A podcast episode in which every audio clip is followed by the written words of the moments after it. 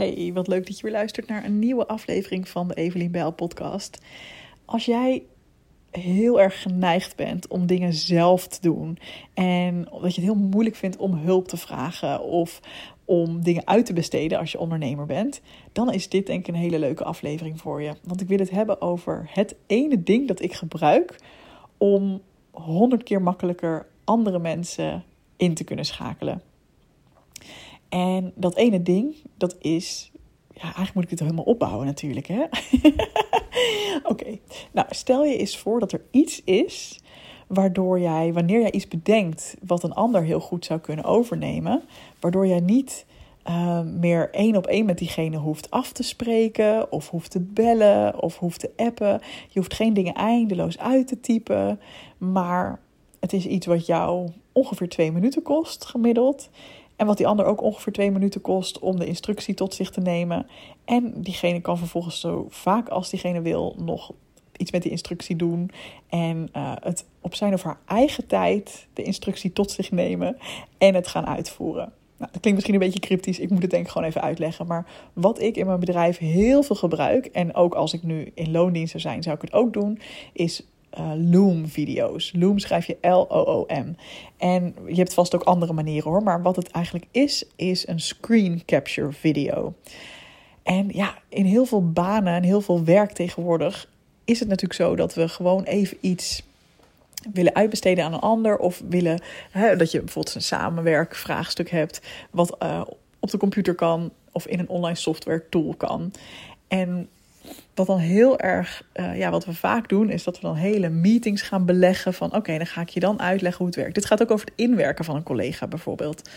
Um, dat je dan helemaal gaat afspreken, of in real life, of via Zoom, of helemaal gaat bellen. En dat je iemand dan stap voor stap meeneemt. En dat kost beide partijen best wel veel tijd. Kijk, het voordeel van zo'n um, ja, hoe noem je dat? Synchrone afspraak. En synchroon betekent dat je er beide tegelijkertijd tijd in stopt. Het voordeel is natuurlijk dat je ook meteen vragen kan stellen. Dus dat is heel fijn. Maar ja, het nadeel is, stel dat jij niet één collega moet inwerken, maar meerdere collega's. Um, hè, of dat het misschien niet één keer gebeurt, maar dat je die collega misschien de taak moet gaan overdragen aan een ander iemand. Dan moet je er elke keer opnieuw die synchrone tijd in stoppen.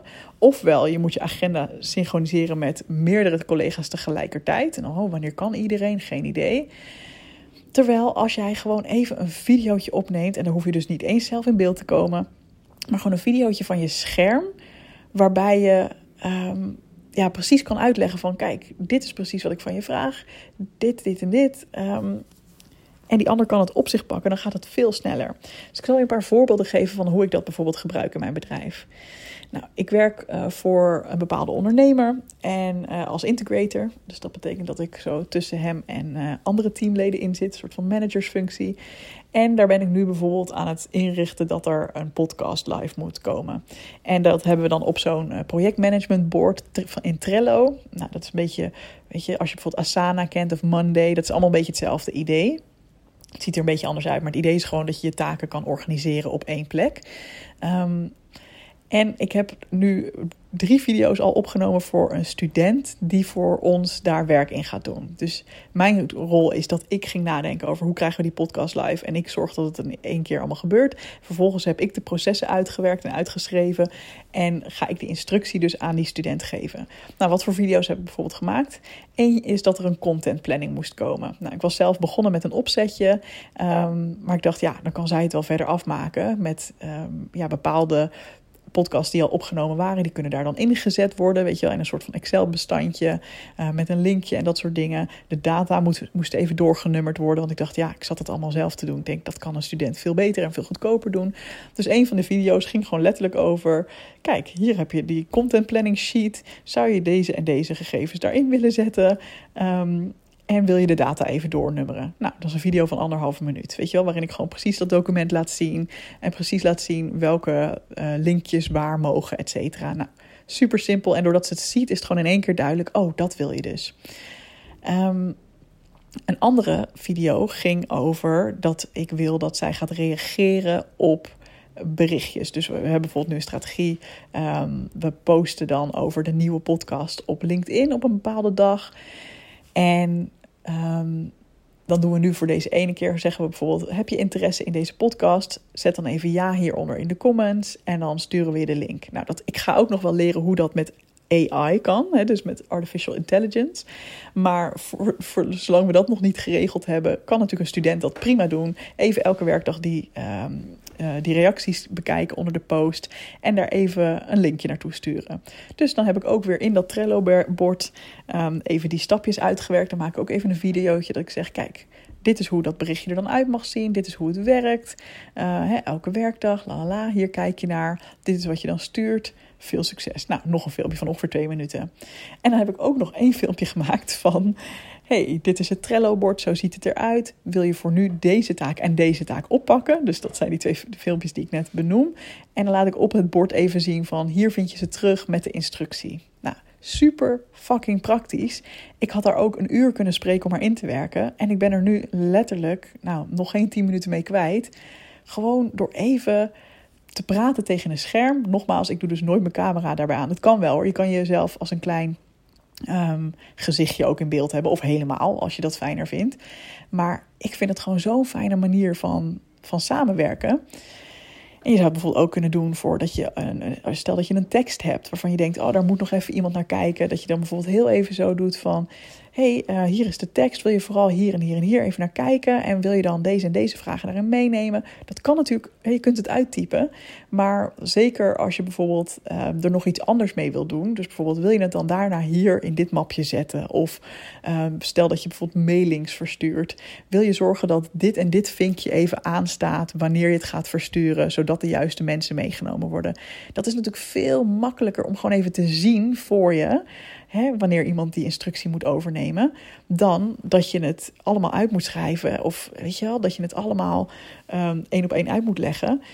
En ja, wat ik ook vind, zeker als het gaat om mensen die denken van ja, fuck, ik ben er helemaal niet zo handig mee. Hoe lekker ook dat ze het kunnen terugkijken.